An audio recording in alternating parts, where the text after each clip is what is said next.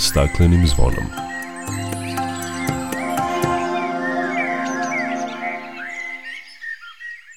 Dobar dan i dobrodošli na Zeleni talas prvog programa Radije Radio Televizije Vojvodine. Ja sam Dragana Ratković.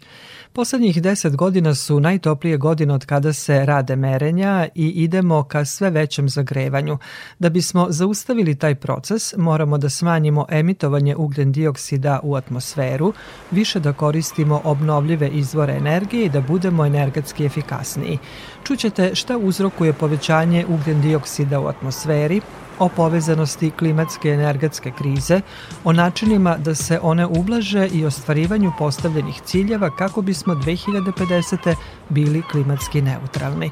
O ovim temama biće reči i na sajmu energetike i ekologije. Govorit ćemo i o uklanjanju divljih deponija na poljoprivrednom zemljištu koje finansira Resorni pokrajinski sekretarijat za poljoprivredu, o vidovima takozvanog humanog lova bez ubijanja i naporima lovačkih udruženja za očuvanje fonda divljači, a najavit ćemo i 20. izložbu gljiva i susrete gljivara na Fruškoj gori. O svemu više nakon pozdravne pesme. Dok priroda kraj nas plače, za vladarskim svojim tronom.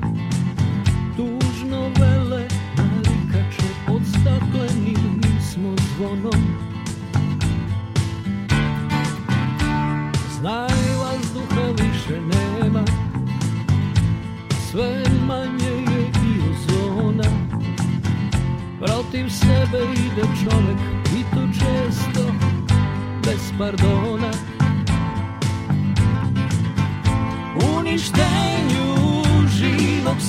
sveta Kao da su ljudi skloni. Čovek sam je sebi meta Zbog njega ovo zvono zvoni Uništenju živog sveta Kao da su ljudi skloni. Čovek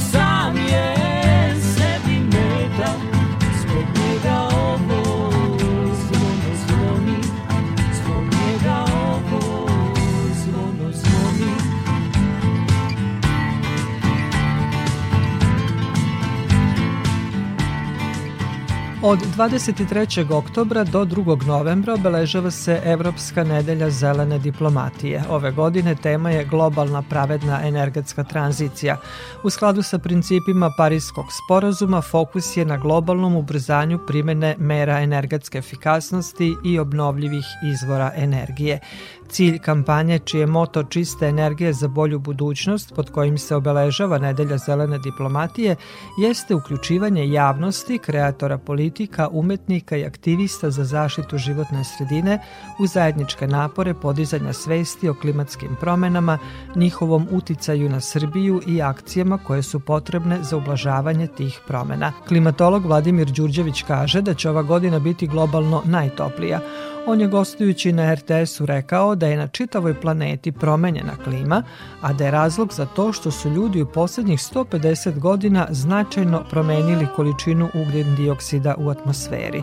Pošto ugljen dioksida danas ima 50% više, a reč je o drugom najvažnijem efektu staklene bašte, leta su danas toplija, pa su tako i jeseni postale toplije i ova godina će biti globalno najtoplija – Septembar je zabeležen kao najtopliji mesec u svetu, a u Srbiji je bio treći najtopliji mesec, kaže Vladimir Đurđević. U Srbiji je bio treći najtopliji, u nekim gradovima je bio i najtopliji, uglavnom u Vojvodini, na severu. U, u nekim gradovima je bilo 29 i 30 dana sa maksimalnim dnevnim temperaturama preko 25 stepeni. Mi u klimatologiji te dane zovemo letnjim danima, zato što u toku tog dana možemo da budemo u kratkim rukajima i deluje nam kao da je leto, iako nije leto. U toku septembra imali smo u nekim gradovima skoro ceo mesec, znači da, je, da su bili ti letnji dani u klimatologiji. Inače, jesen počinje od 1. septembra, znači potpuno suprotno od onog što očekujemo da polako ulazimo u jesen i da ima, da kažem, sve više tog žutog lišća, da opada lišće. Mi smo imali gratis ove godine mesec dana više leta nego, uh, nego inače globalno je to bio najtopliji septembar leto koje za nama je bilo globalno najtoplije leto 2023. godine će biti globalno najtoplija godina iako imamo još jedno dva meseca tako do kraja ove godine anomalija 2023. je već toliko velika da u ova naredna dva meseca bi trebali da imamo mini ledeno doba, da 23. ne bude najtoplija godina ikada. 10 najtoplijih godina kad 23. postane najtoplija da. godina, a 10 najtoplijih godina koje su ikad zabeležene na svetu u stvari bit će uh, posljednjih 10 godina, od 2014. do 2023. Prema rečima Vladimira Đurđevića, poslednjih 10 godina su najtoplije godine od kada se rade merenja i idemo ka sve većem zagrevanju. To je i poziv da ovaj problem zaustavimo i da ga držimo u nekim prihvatljivim granicama, a jedini način da to uradimo je da prestanemo da dodajemo ugljen dioksid u atmosferu. Nažalost, ove godine 2023. opet jako nije prošla cela godina, ljudi će opet ove godine dodati malo više ugljen dioksid u atmosferu nego što su dodali prethodne i to otprilike od 0,5 do 1,5 procenat. Obično je taj prosek bio u prošlosti oko 2 procenta. Ima i dobrih primjera. Na primjer, Evropska unija je 2022. verovatno i 23. to će biti prve godine u kojoj će Evropska unija da se proizvede više energije iz obnovljivih izvora mhm. nego iz uglje, nafte i gasa. Tako da Evropska unija, pored ovih problema koji su imali zbog rata u Ukrajini, kada je prekinut dotok gasa iz, iz Rusije i pričalo se o tome kako ponovo otvaraju uh, termoelektrane na ugalj i tako dalje, u stvari oni su uspeli zaista da se na neki način značajno prebace na to što su obnovljivi izvori energije. Tako da kad se sabere sva energija koja je proizvedena iz e, vetra, iz solarnih panela, iz hidropotencijala, to je veće nego ako gledamo koliko energije je proizvedeno iz uglja, na primjer, ili iz, iz gasa. I to pokazuje da u stvari je moguć taj put u kome su obnovljivi izvori energije u stvari oslonac proizvodnje energije potrebno je naravno malo u početku da razumemo bolje kako te stvari izgledaju i da se malo, da kažem, fokusiramo i skoncentrišemo na to, ali to nije svet koji je, da kažem, nezamisliv, zato što opet sve analize pokazuju da je takav svet moguć. Ne trebamo da izmislimo ništa novo. U suprotnom ćemo svake godine pričati kako smo iznenađeni što je oktobar pretopao.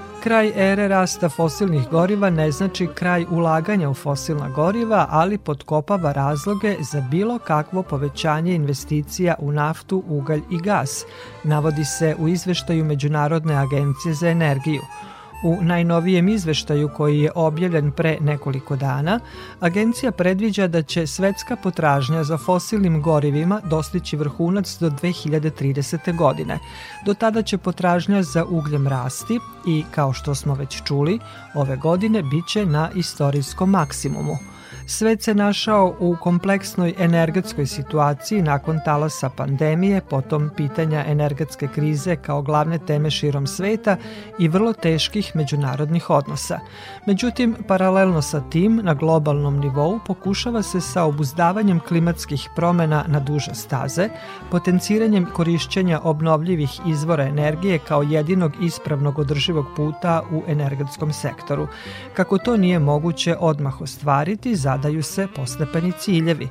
Nove vizije budućnosti globalnog energetskog sektora nude progresivnu sliku prelaska na čistu energiju do 2030. godine, objavila je Međunarodna agencija za energiju.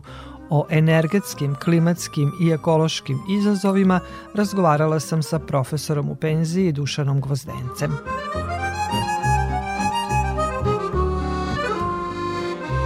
Kažu, nalazimo se u klimatskoj, ekološkoj i energetskoj krizi i Evropski zeleni dogovor je donet pre toga, ali i pre Evropskog zelenog dogovora razgovarali smo o povećanju udela energije iz obnovljivih izvora, energetskoj efikasnosti i štednji resursa, a sada o tome pričamo u okviru borbe protiv klimatskih promena i održivosti planete uštedi resursa. Koliko brzo idemo ka ostvarivanju ovih ciljeva koji su zacrtani Evropskim zelenim dogovorom? Jako je puno vremena prošlo od onih prvih aktivnosti, zato je možda interesantno za slušalce da napomenemo nekoliko činjenica koje su prethodile donošenju Evropskog zelenog plana. Na primer, 1974. godine Evropska unija, tada je to bila Evropska zajednica, donosi odluku u izradi energetske strategije zajednice. Tada, prvi put energetska efikasnost je iznenada postala tema dana. Inače, taj pojam energetska efikasnost je ustanovljen par godina pre te 1974. godine. E sada, u septembru 1987. godine donet je Montrealski protokol o zaštiti ozonskog omotača. 13 godina je prošlo. To znači da je toliko vremena trebalo da se pripremi kompletna dokumentacija i argumenti zašto i protiv i da se obezbedi ceo mehanizam da se to realizuje. Zatim slede okvirna konferencija Ujedinjenih nacija o promeni klime 1992. godine. To je 18 godina posle praktično energetske krize, nastanka energetske krize, to je čuveni summit u Riju. Na tom samitu je doneta odluka da se radi na Kyoto protokolu i tada je uz velike ambicije rečeno da će to biti za šest meseci. Dogodilo se tek 1997. godine, znači 23 godine od ovih prvih aktivnosti. Tada se pojavila i Evropska unija kao glavni pokretač novih energetskih politika sa ambicioznim ciljevima u borbi protiv klimatskih promena. Evropska unija donosi direktive, ali pogledajte 2001. godine i 2003. godine i uvodi trgovanje emisijama CO2 2005. godine tek. Znači 31 godinu posle.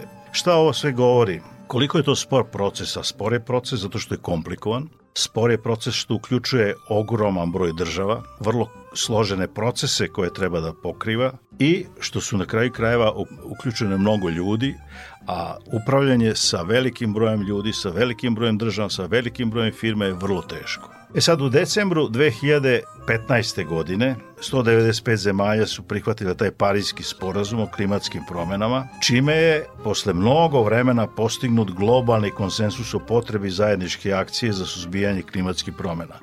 Pre tog parijskog sporazuma doneta je energetska mapa puta 2050. i tada je prvi put energetska politika definisana merljivim ciljevima, što znači određeni su neki procenti za koliko treba da smanjimo emisije, do koje godine da se smanji. Interesantno pre toga toga nije bilo. Drugi put kad se to dogodilo, što je veliki pomak, ali nažalost posle dugog vremena, je Parijski sporazum.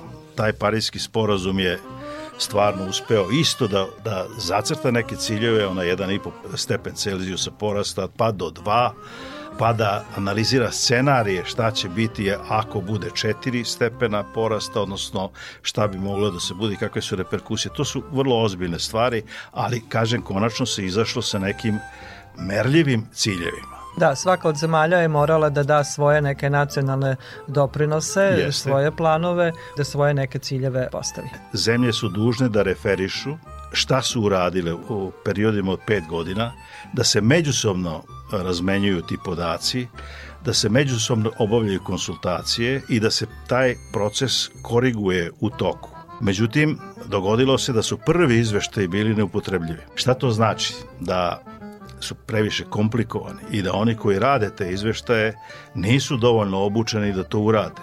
I to je to što i to je i pre bilo, to će biti i posle da jednostavno prevelike su ambicije, prevelik broj teških zadataka se stavlja pred one koji to treba da realizuju, a to su konačno inženjeri koji sede u fabrikama i koji vode procese. Bez obzira što kažete da su to prevelike ciljevi, umeđu vremenu su se ti ciljevi korigovali i još uvek povećali, bi mogli da se da. postignu oni ciljevi koji su zatrtani Parijskim sporazumom i da bi u ovom slučaju Evropa kao kontinent bila klimatski neutralna do 2050. Da, dobro ste zapazili to, ali reperna godina je obično 1900. godina. To je početak druge industrijske revolucije ili u to vreme je to počelo.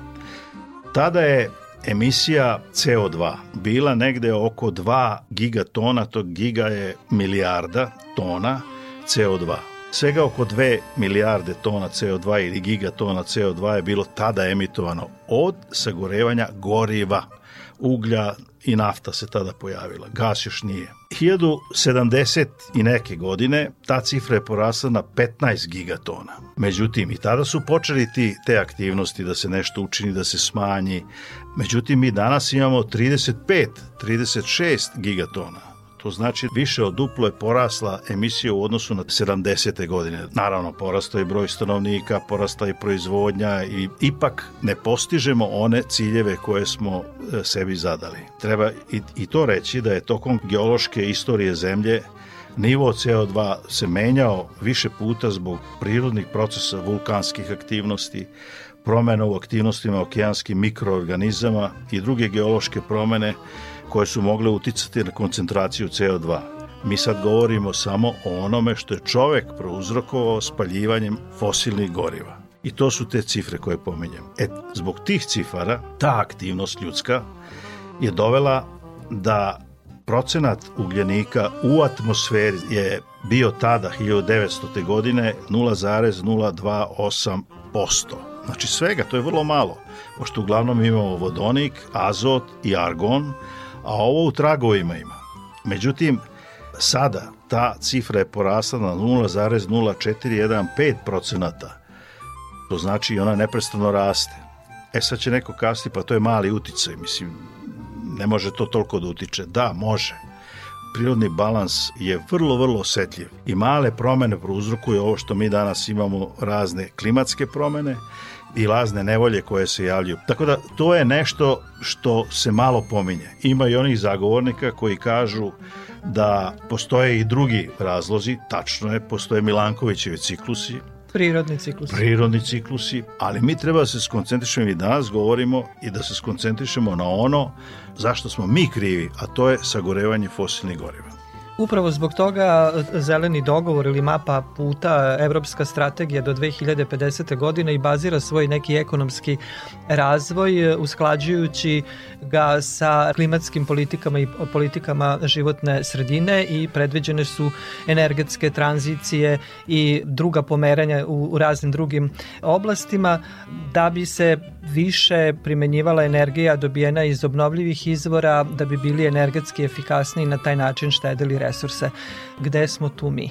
Potpuno ste u pravu. Evropska unija je lider u, u celom svetu u donošenju direktiva, regulativa, pokretanju inicijativa i na kraju kraju rezultatima. I radi se puno i to je nedvosmisleno. 2019. Evropska komisija donosi taj zeleni plan. Komisija potvrđuje svoju predanost za suoči sa izazovima u području klime i životne sredine, prepoznaje to kao najvažniji zadatak ove generacije i sad kad se čita taj dokument koji je onako malo ovaj, obimniji, vidi se da se ponavljaju sve one stvari od pre i na kraju može čovjek da zaključi da tu zapravo nema ničeg novog. Srbija je potpisnik zelene agende za Zapadni Balkan i to se dogodilo u novembru 20. godine. Međutim, taj ceo, kažem, dokument nema ništa novo, on samo traži bolju organizaciju ljudi i ističe jedan termin koji se zove dekarbonizacija, koja je bio poznati pre. Pre je bila energetska efikasnost kao fokus, sada se insistira na konačnom cilju svih ovih mera, a to je smanjivanje emisije ugljen dioksida. Međutim, kada se pogleda lista najvećih zagađivača, tu su pet zagađivača, Kina, Sjedinje američke države, Evropska unija, Indija i Rusija, onda se vidi da oni nose 70% od ukupne emisije CO2 nastalo i sagorevanjem fosilnih goriva. Međutim, najveći zagađivač po glavi stanovnika je Sjedinje američke države. Iza nje sledi Rusija, Kina, pa Evropska unija, ona je najmanji zagađivač, po glavi stanovnika. I zato i postoje nesloge među tim velikim zagađivačima koliko ko treba da doprinosi i onda se gledaju različite brojke i različiti načine da se to uradi. Dekarbonizacija kao takva, ona podrazumeva energetsku efikasnost i obnovljive izvore energije. Mi smo, evo, na početku razgovora rekli da smo pre 50 godina pričali o obnovljivim izvorima energije i to ovde u Vojvodini. Poslednjih godina jeste napravljen neki određeni napredak i taj procenat e, korišćenja energije iz obnovljivih izvora je nešto povećan, ali koji bi bili sledeći koraci da bi ostvarili one nacionalne ciljeve koje smo zacrtali do 2030 2030. godine i one ciljeve do 2050. godine da i mi budemo karbonski neutralni. To je sadržaj zelene agende koju smo i mi potpisali. Imamo mi rezultate, imamo i u, solarnim elektranama, imamo i vetroparkovima. U, jeste, i u energetskoj efikasnosti radi se to, ali treba naglasiti da to sporo dosta iza. Dva su aspekta procesa dekarbonizacije. Prvi podrazumeva smanjenje emisije gasova staklene bašte nastalih sagorevanjem fosilnih goriva. A kako se to može uraditi? Pa povećane korišćenje obnovljivih izvora energije i elektrifikacijom i energetskom efikasnošću. Drugi aspekt podrazumeva dekarbonizaciju i proces apsorpcije ugljenika iz atmosfere, prikupljanje emisija i povećanjem skladištenja ugljenika u poljoprivrednim zemljištima i šumama, kao i primjenom tehnologija za hvatanje i korišćenje i skladištenje ugljenika. Ovaj drugi aspekt je za nas posebno interesantan i mi moramo dobro da razmislimo kad prihvatamo tu agendu koja podrazumeva kao broj 1 zatvaranje termoelektrana koje koriste ugalj pogotovo. Mi moramo da iznesemo naše argumente i mi ne treba da odustanemo od toga, ali treba da tragamo za tehnologijama koje mogu da redukuju te emisije i praktično budu zadovoljeni kriterijumi energetskog e, zelenog plana. Trebalo bi ići postepeno, ali i kažemo uvek da imamo velike potencijale u obnovljivim izvorima energije koje bi trebalo koristiti. Apsolutno. Znači, paralelno. Obnovljive izvore niko ne treba da osporava i treba ulagati u to. Ali ne treba se odricati ovog što imamo, nego tražiti nove tehnologije koje mogu da zadovolje zahteve dekarbonizacije i zelenog plana, da bi mogli da uz razvijanje tih sobstvenih tehnologija i sa naše strane, da mi na našim primerima obezbedimo te tehnologije koje bi kasnije mogli i drugima da nudimo. Često pominjamo i često se čuje priča da bi mogli biti mnogo energetski efikasniji. Prostor je velik. Jeste da ima puno prostora, jeste da treba raditi na tome. Kada je dekarbonizacija u pitanju, tu je predviđen 1 trilion evra za primjenu zelenog plana. Međutim, birokrati su prepoznali da će to biti nedovoljno, jer tu i mi možemo da učestvujemo u takvim programima da bi obezbedili pre svega za povećanje energetske efikasnosti. Ili jasno je da to mora da se ulaže u to, ali u, u tom slučaju i država treba sama u sebe da ulaže na taj način što će pomoći da se poveća energetska efikasnost i na taj način se štedi. Međutim, osnovna ideja ovoga zelenog plana je da se maksimalno stimulišu velike korporacije, da i one ulaže, jer taj jedan trilion fond koji je napravljen, koji je nažalost prazan zbog poznatih stvari o kako da se poveća ulaganje u obnovljive izvor i energetsku efikasnost. Ova dekarbonizacija na ono sve što smo znali pre što je napisano u energetskoj mapi puta 2050. i u prethodnoj dokumentaciji. Dodato je nešto što se tiče upravo tih financija i banke su sada zadužene da upravljaju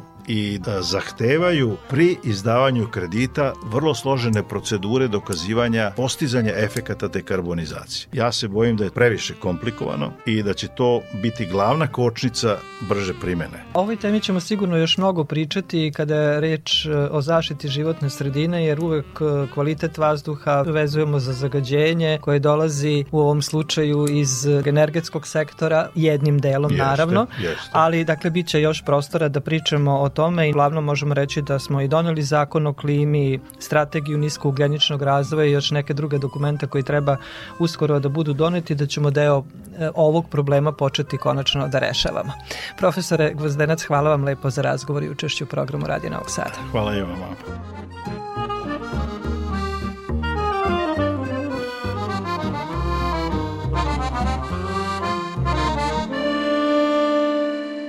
Ovim temama biće reči i na sajmu energetike i investicija koji se 1. i 2. novembra održava na Novosadskom sajmu.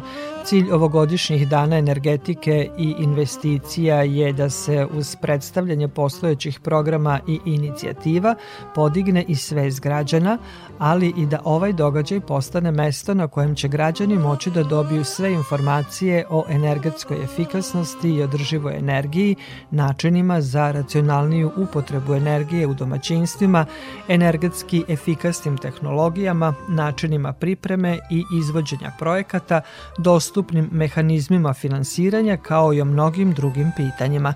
Zajedno sa sajmom energetike biće održan i sajam ekologije koji će ovoga puta zaista i biti, osim zaštite životne sredine, posvećen ekologiji, kaže Gordana Knežević sa Novosadskog sajma. Ovoga puta e, se stvari popravljaju toliko što će biti priče i o zaštićenim e, vrstama na teritoriji Srbije i o biodiverzitetu kroz programe koje su obezbedili naši učesnici. Mislimo da će biti održani paneli, nekoliko panela, koji će obuhvatati priče i o eko učionicama, zelenim učionicama. Uklapamo se nekako u celu ovu priču od 23. oktobra do 2. novembra je i Evropska nedelja zelene diplomatije koja se bavi e, i e, zaštitom životne sredine, ali i zelenom energijom i između ostalog nekom vrstom pravedne tranzicije koja je i jedna od tema na danima energetike, brojne radionice za decu, e, reciklaža, načini na koji se reciklira materijal i tako dalje. Dakle, to je sve ono što nam dolazi i kroz jednu izložbu koja je rezultat rada Francuskog instituta u Srbiji, Karavan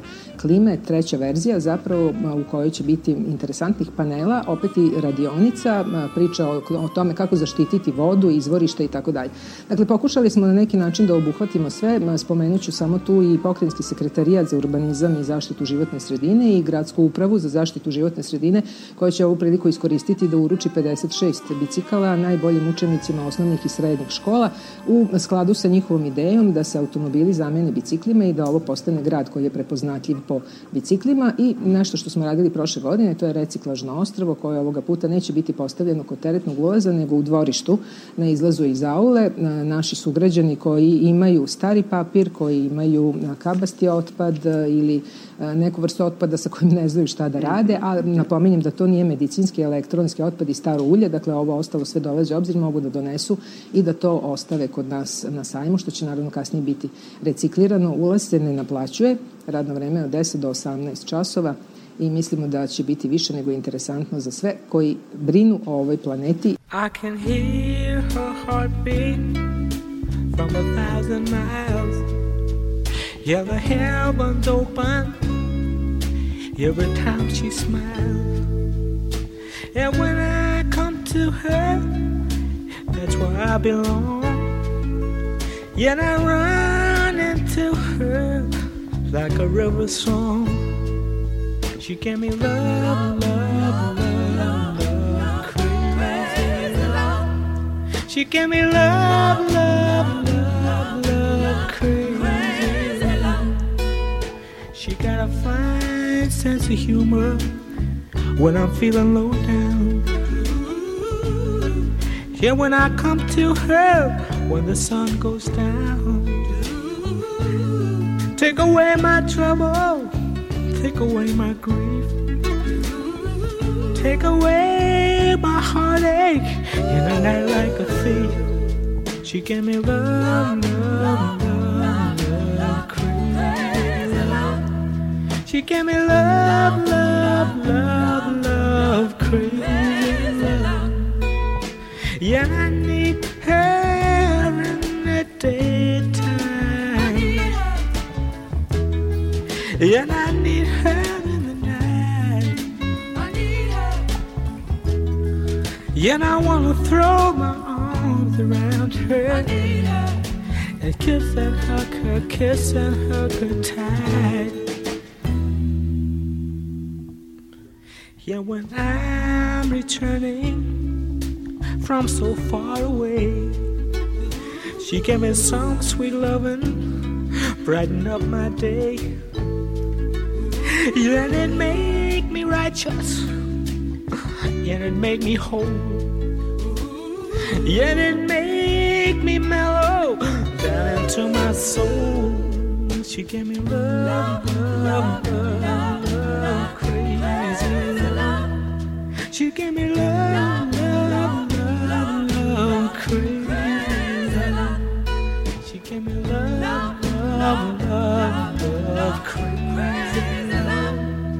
She gave me love, love,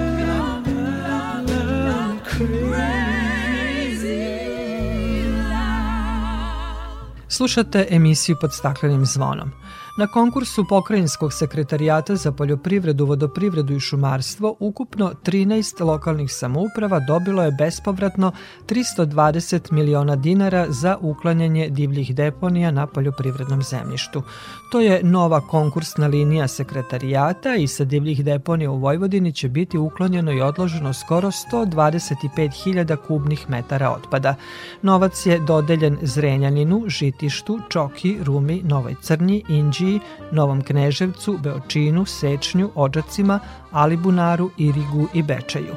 Neki od predstavnika lokalnih samouprava koje su dobile novac rekli su da planiraju da reše problem divljih deponija i da to zemljište kasnije u potpunosti bude u funkciji poljoprivrede, dok oni koji su proces čišćenja započeli ranije ovim novcem nameravaju i zvanično da ga završe.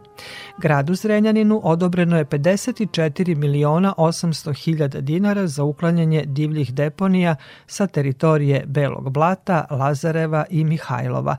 Više o tome Tanja Krunić. Pre nekoliko godina u Mihajlovu je sanirana velika divlja deponija, a trenutno postoji jedna manja koja se proširuje, kaže Ištvan Flaman, sekretar Saveta mesne zajednice. Mihajlova kao poljoprivredno selo ima dosta kabastog smeća, naročito što se ne razlaže kao što je sistem za navodnjavanje najlonog plastenika i ostalo i automatski znači ljudi moraju negde da odlažu i to. Možda je to u isto vreme i apel za javno komunalno preduzeće da bi trebali češće da dostave velike kontejnere za odlaganje kabastog smeća kako bi građani mogli da odlažu i takvo smeće da, da se ne bi ponovo formirala neka divlja deponija. Na javnom konkursu Pokrajinskog sekretarijata za poljoprivredu, šumarstvo i vodoprivredu odobrena su sredstva za uklanjanje divljih deponija sa poljoprivrednog zemljišta za 13 lokalnih samouprava. Gradu Zrenjaninu za tu namenu odobren je iznos od 54,8 miliona dinara, a bit će utrošen za uklanjanje divljih deponija sa teritorije katastarskih opština Belo Blato, Lazarevo i Mihajlovo. Kaže Jelena Brusin-Poučki, šef odseka za zaštitu životne sredine. Uklonjen otpad sa divljih deponija biće odložen na registrovanoj deponiji, odnosno na površini koju je e, planskim dokumentom jedinica lokalne samouprave e, odredila za ovu namenu i na taj način sprečava se e, emisija zagađujućih materija i omogućava se korišćenje zemljišta u poljoprivredne svrhe. U proteklom periodu slične akcije sprovedene su i u Botošu, Lukinom selu, Čenti, Perlezu, Tarašu i Knićaninu, a u narednom periodu biće i u Elemiru i Melencima ističe Brusin Poučki. Divlje deponije na poljoprivrednom zemljištu predstavljaju veliki problem kako za životnu sredinu, tako i za zdravlje ljudi, imajući u vidu da se na njima generiše veliki broj zagađujućih materija koje dospevaju u površinske i podzemne vode, a sve zbog nekontrolisanog odlaganja različitih vrsta otpada. Tako da je vrlo važno da svaki pojedinac na adekvatan način odlaže otpad kako bismo svi uticali na sprečavanje nastajanja divljih deponija. Grad Zrenjanin ove godine u program zaštite životne sredine sredine ulaže preko milijardu dinara, odnosno 15 od budžeta.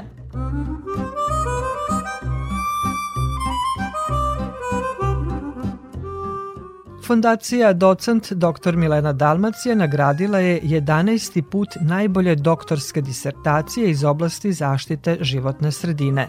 Dobitnici kažu da su im nagrade dodatni podstrek za dalje bavljenje naukom, dok iz fondacije poručuju da je njihova misija da prepoznaju izuzetnost, da je nagrađuju i podržavaju. Opširnije Vesna Balta. Nagradu docent dr. Milena Dalmacija za doktorsku disertaciju koja je dala najveći doprinos u oblasti zaštite životne sredine dobila je dr. Danka Kostadinović za doktorsku disertaciju urađenu na Mašinskom fakultetu u Beogradu. Moja disertacija se bavi istraživanjem uticaja vegetacijonih krovova na energetsku efikasnost objekata namenjenih obrazovanju i zagađenje vazduha u spoljašnjoj sredini. Ovo mi je jedna ogromna motivacija za dalje rad u nauci.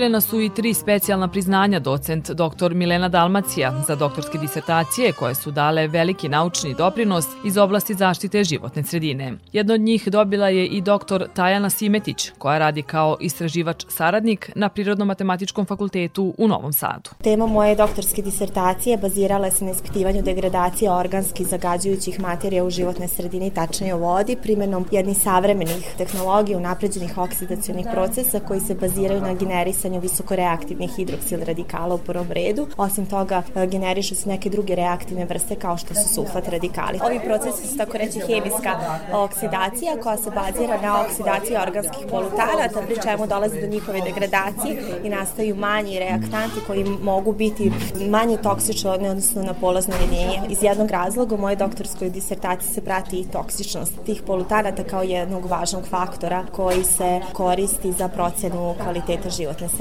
Na konkurs je pristiglo oko 15 doktorskih disertacija sa različitih fakulteta iz cijele zemlje. Dr. Srđan Rončević iz fondacije docent dr. Milena Dalmacija kaže da je pred komisijom za dodelu nagrade bio težak zadatak. Lepeza istraživanja iz oblasti zaštite životne sredine u pristiglim radovima bila je raznolika, objašnjava dr. Rončević. Prva nagrada se i bavi arhitektonskim delom zaštite životne sredine, zelenim krovovima i tim nekim prirodnim održivim rešenjima koja se primenjuju u urbanim sredinama. Pored onih uobičajenih tema, tretmana otpadnih voda, tretmana otpada, pripreme vode za piće i što su neke naše standardne teme. Tako da nam je drago da i kolege iz e, e, nekih drugih oblasti ulaze u oblast zaštite životne sredine i pokazuje se zapravo njena multidisciplinarnost i interdisciplinarnost. Iz fondacije docent dr. Milena Dalmacija poručuju da je veoma važno svim mladim ljudima koji se bave naukom i koji postižu izuzetne rezultate dati podršku da istraju i da su na pravom putu.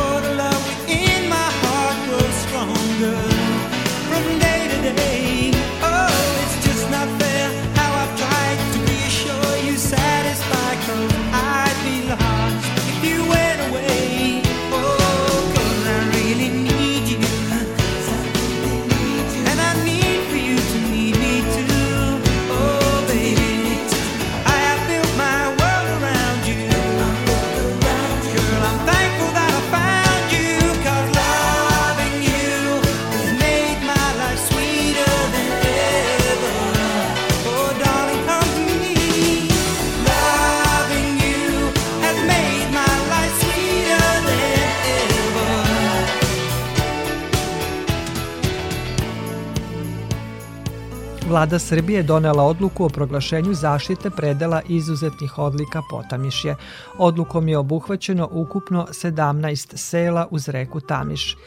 Između zaštitnika prirode i životinja i pobornika lovnog turizma često ima antagonizama i nerešenih pitanja, a da bi toga bilo što manje treba naprediti neke stvari.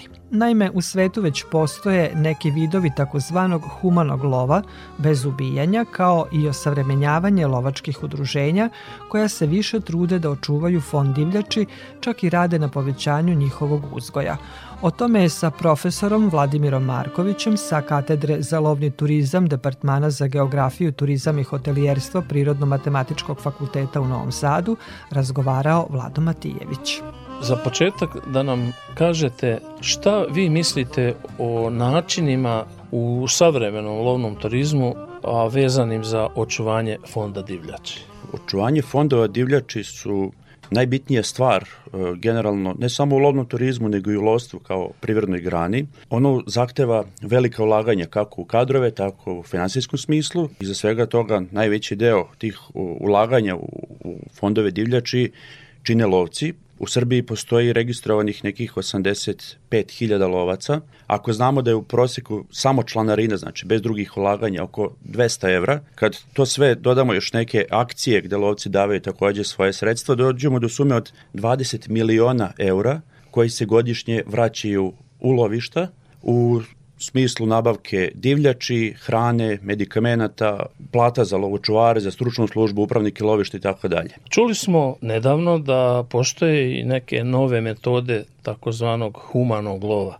Od vas možemo iz prve ruke da dobijemo neku informaciju o tome i da nam kažete da li će to biti i primenljivo kod nas na neki način. Kad pričamo o lovno-turističkim kretanjima, Afrika je svima ovako na, na prvoj misli. Novine se pojavljaju, svi znamo za fotolov, znamo za klasičan lov, međutim u Namibiji, u Keniji, u Bocvani postoji jedan vid lova. Konkretan primjer, eto kolege moji iz Češke su pričali kada su bili tamo, bio jedan lovac Amerikanac koji je lovio nosoroga, koji je strogo zaštićena vrsta, ali ga je uh, lovio na taj način da se nosorog uspava na kratko, na desetak minuta, lovac priđe, fotografiše se i bežanija. Zašto? Zato što to uspaljivanje traje jako kratko, od 5 do 10 minuta, nakon toga divljač se budi i lovac ostaje fotografisan sa svojim ovaj, divljači. Divljač može bezbedno da nastavi svoj život, s tim da postoje ograničenje, što je ovako još jedan veliki plus iz etičkog ugla. Svaka jedinka može da se uspava u toku života samo tri put i nakon toga ovaj, ta jedinka se više ne uznemirava. Oni vode statistiku i, i spisak koji su to jedinke uspavane i koliko puta. Da li bi kod nas moglo nešto tako da se primeni u nekoj budućnosti? Uh,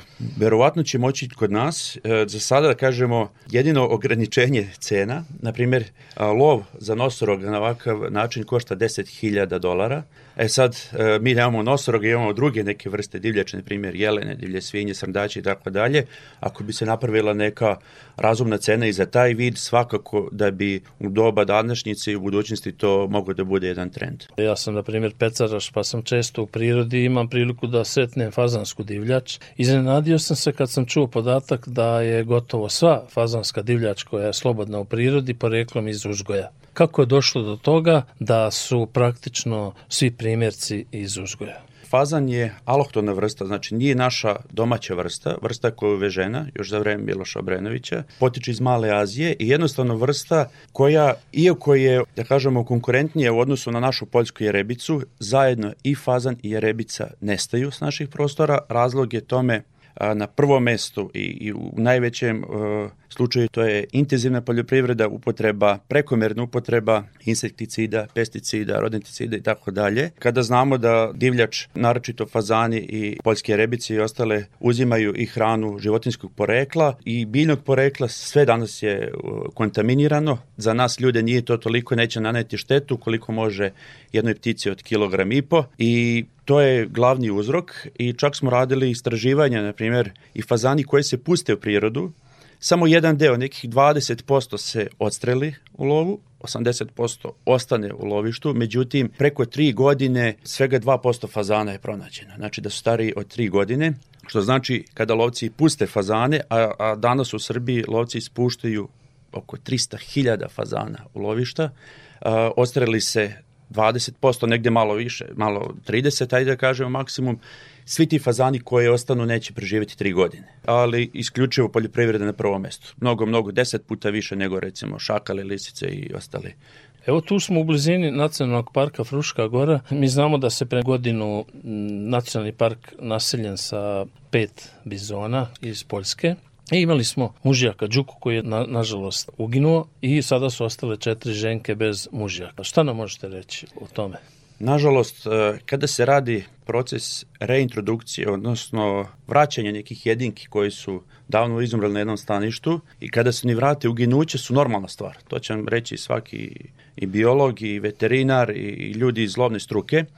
E, zbog mnogih razloga, da li je to u pitanju stres, zbog promene e, samog staništa. Tako da, eto, koliko ja znam, četiri ženke su u vrlo dobroj formi, svi su oni uzimali istu hranu, e, živjeli su u istom staništu. Ono što ja mislim da, da je izdvojilo ovoga bizona jeste, ženke su bile iz prirode, on je jedini bio iz zoološkog vrta i sigurno imao drugačiji imunitet, ima više betona, manje prirodne okoline, to je mislim jedan od razloga, a i drugi razlog je sigurno ovo nevreme koje je bilo ovaj, letos Zna da je tamo u rezervatu, da je ograda porušena na, na ne znam, 30-40 mesta, divljač je bila izašla napolje, verovatno i tu bilo nekih ovaj povreda, tako da eto, vidjet ćemo na kraju šta će dati zvanični rezultati. Takođe, postoji jedna vrsta visoke divljači koja je praktično istrebljena krajem 50. godina. Na Fruškoj gori postojao je i gorski jelen. On je takođe vraćen pre neku godinu i kako je brojčano stanje i kako vam se čini adaptacija ove životinje? Jeste, to je jedan pozitivan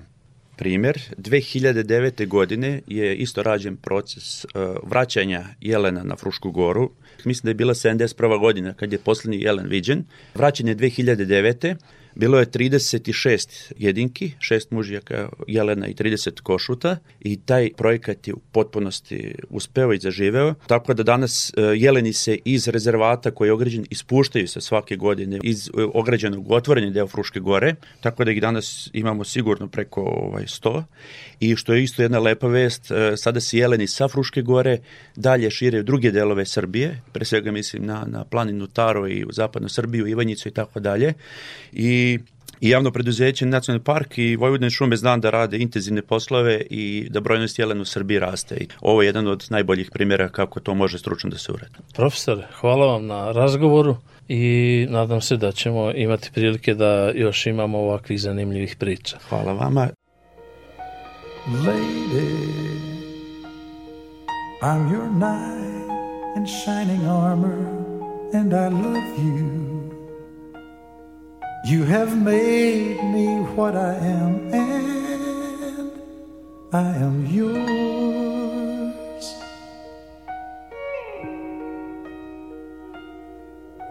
My love, there's so many ways I want to say I love you. Let me hold you in my arms forevermore.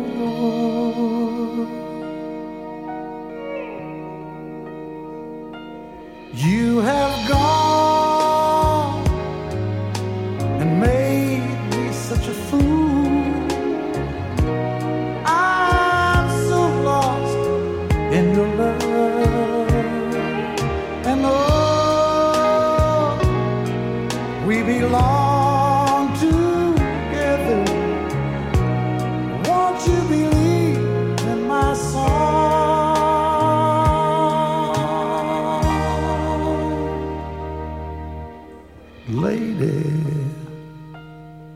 For so many years I thought I'd never find you. You have come into my life and made me whole.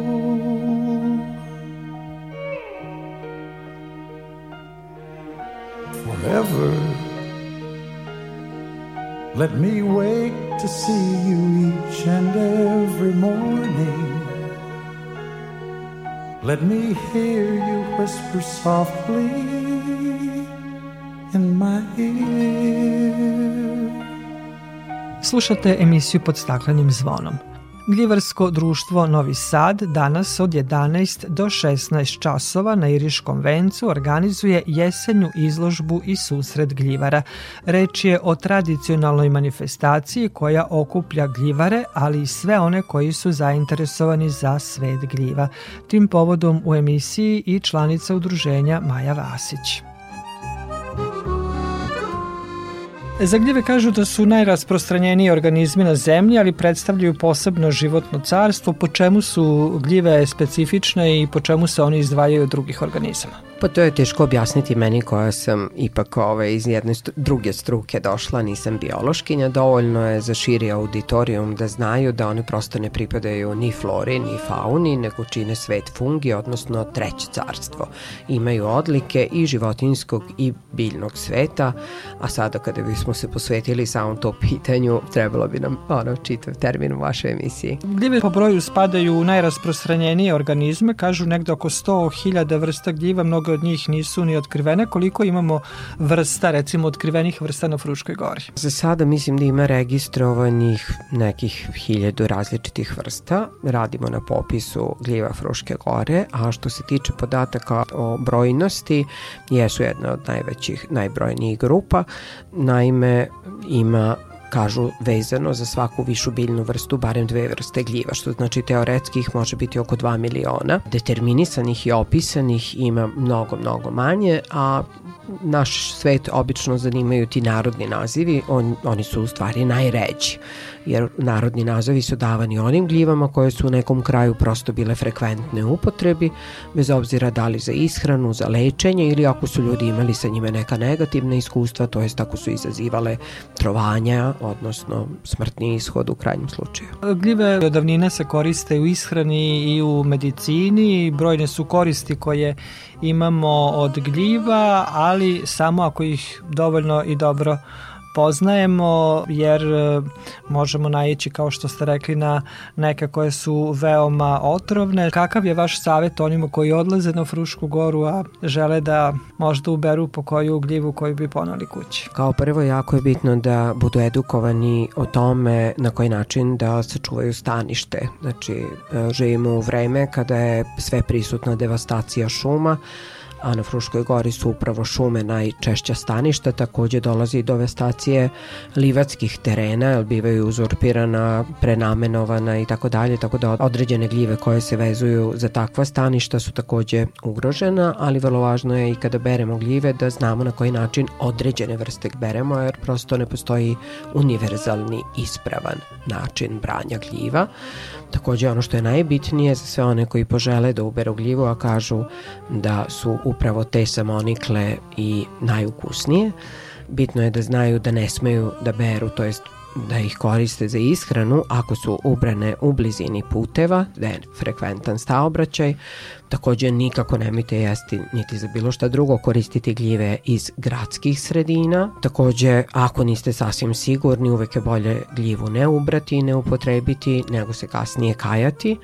I ako ste recimo jednom imali sreće pa ste neku vrstu gljiva pojeli, a niste imali nikakve loše simptome i pomislite da je baš to super ukusna gljiva koju treba da koristite, setite se samo da postoje gljive čije dejstvo nije trenutno, koje imaju kumulativne otrove, koji se talože u našoj jetri, nekada mogu da se talože i decenijama i prosto kada dostignu kritičnu masu mogu da izazovu ozbiljne probleme pa i smrtne ishode.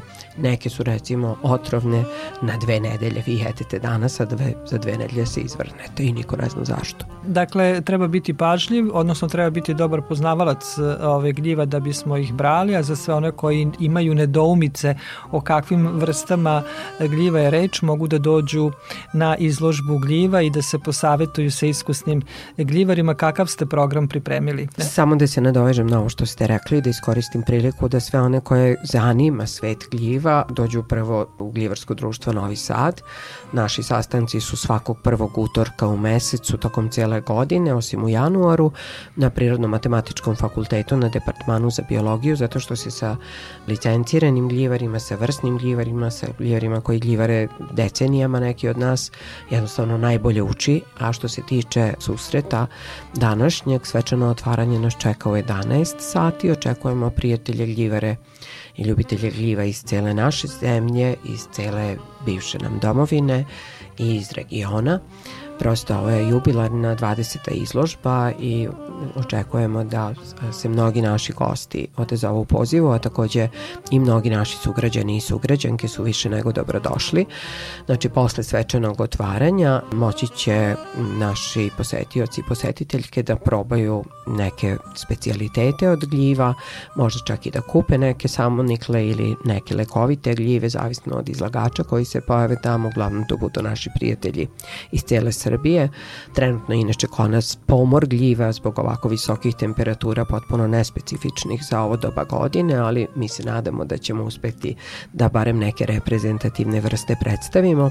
Takođe će tokom uh, naše izložbe doktor, profesor doktor Maja Karaman održati predavanje mikoriza i njihov značaj u očuvanju šumskih ekosistema. Znači, saznaćete neke divne stvari od naše poznate profesorke koja se inače gljivama bavi već dugi niz godina. Do 4 sata će biti otvorena izložba, moći ćete da probate gljivaš, naš paprikaš od gljiva, moći ćete da naučite puno u gljivama, bit će puno determinatora, bit će puno licenciranih gljivara koji će prosto moći da vas upute u sve ono što mi sami znamo, jer gljivari su poznati po tome da nesebično dele svoja znanja. Ne baš i o staništima određenih vrsta, ali svoje znanja što se tiče prepoznavanja i svega onoga što vam može biti korisno u svetu gljiva ćemo svakako podeliti sa vama. Dakle, svi oni koji danas mogu i žele da bolje možda upoznaju svet gljiva mogu danas od 11 do 16 časova doći na Iriški venac gde društvo gljivara Novog Sada organizuje izložbu i susrete gljivara. Majo, hvala vam lepo za razgovor. Nema na čemu, samo da podsjetim, znači u pitanju je novi informativni centar, znači ona staklena zgrada na samoj raskrsnici da se neko slučajno ne zabuni i ode gore u šumu. Znači vidimo se na raskrsnici u 11 sati. Toliko u ovom izdanju emisije pod staklenim zvonom koju možete slušati i odloženo na podcastu Radio Televizije Vojvodine na adresi rtv.rs. Emisiju realizovali Sabina Nedić, Maja Tomas i Dragana Ratković. Naredni susret zakazujemo za sedam dana u isto vreme na zelenom talasu prvog programa radija Radio Televizije Vojvodine.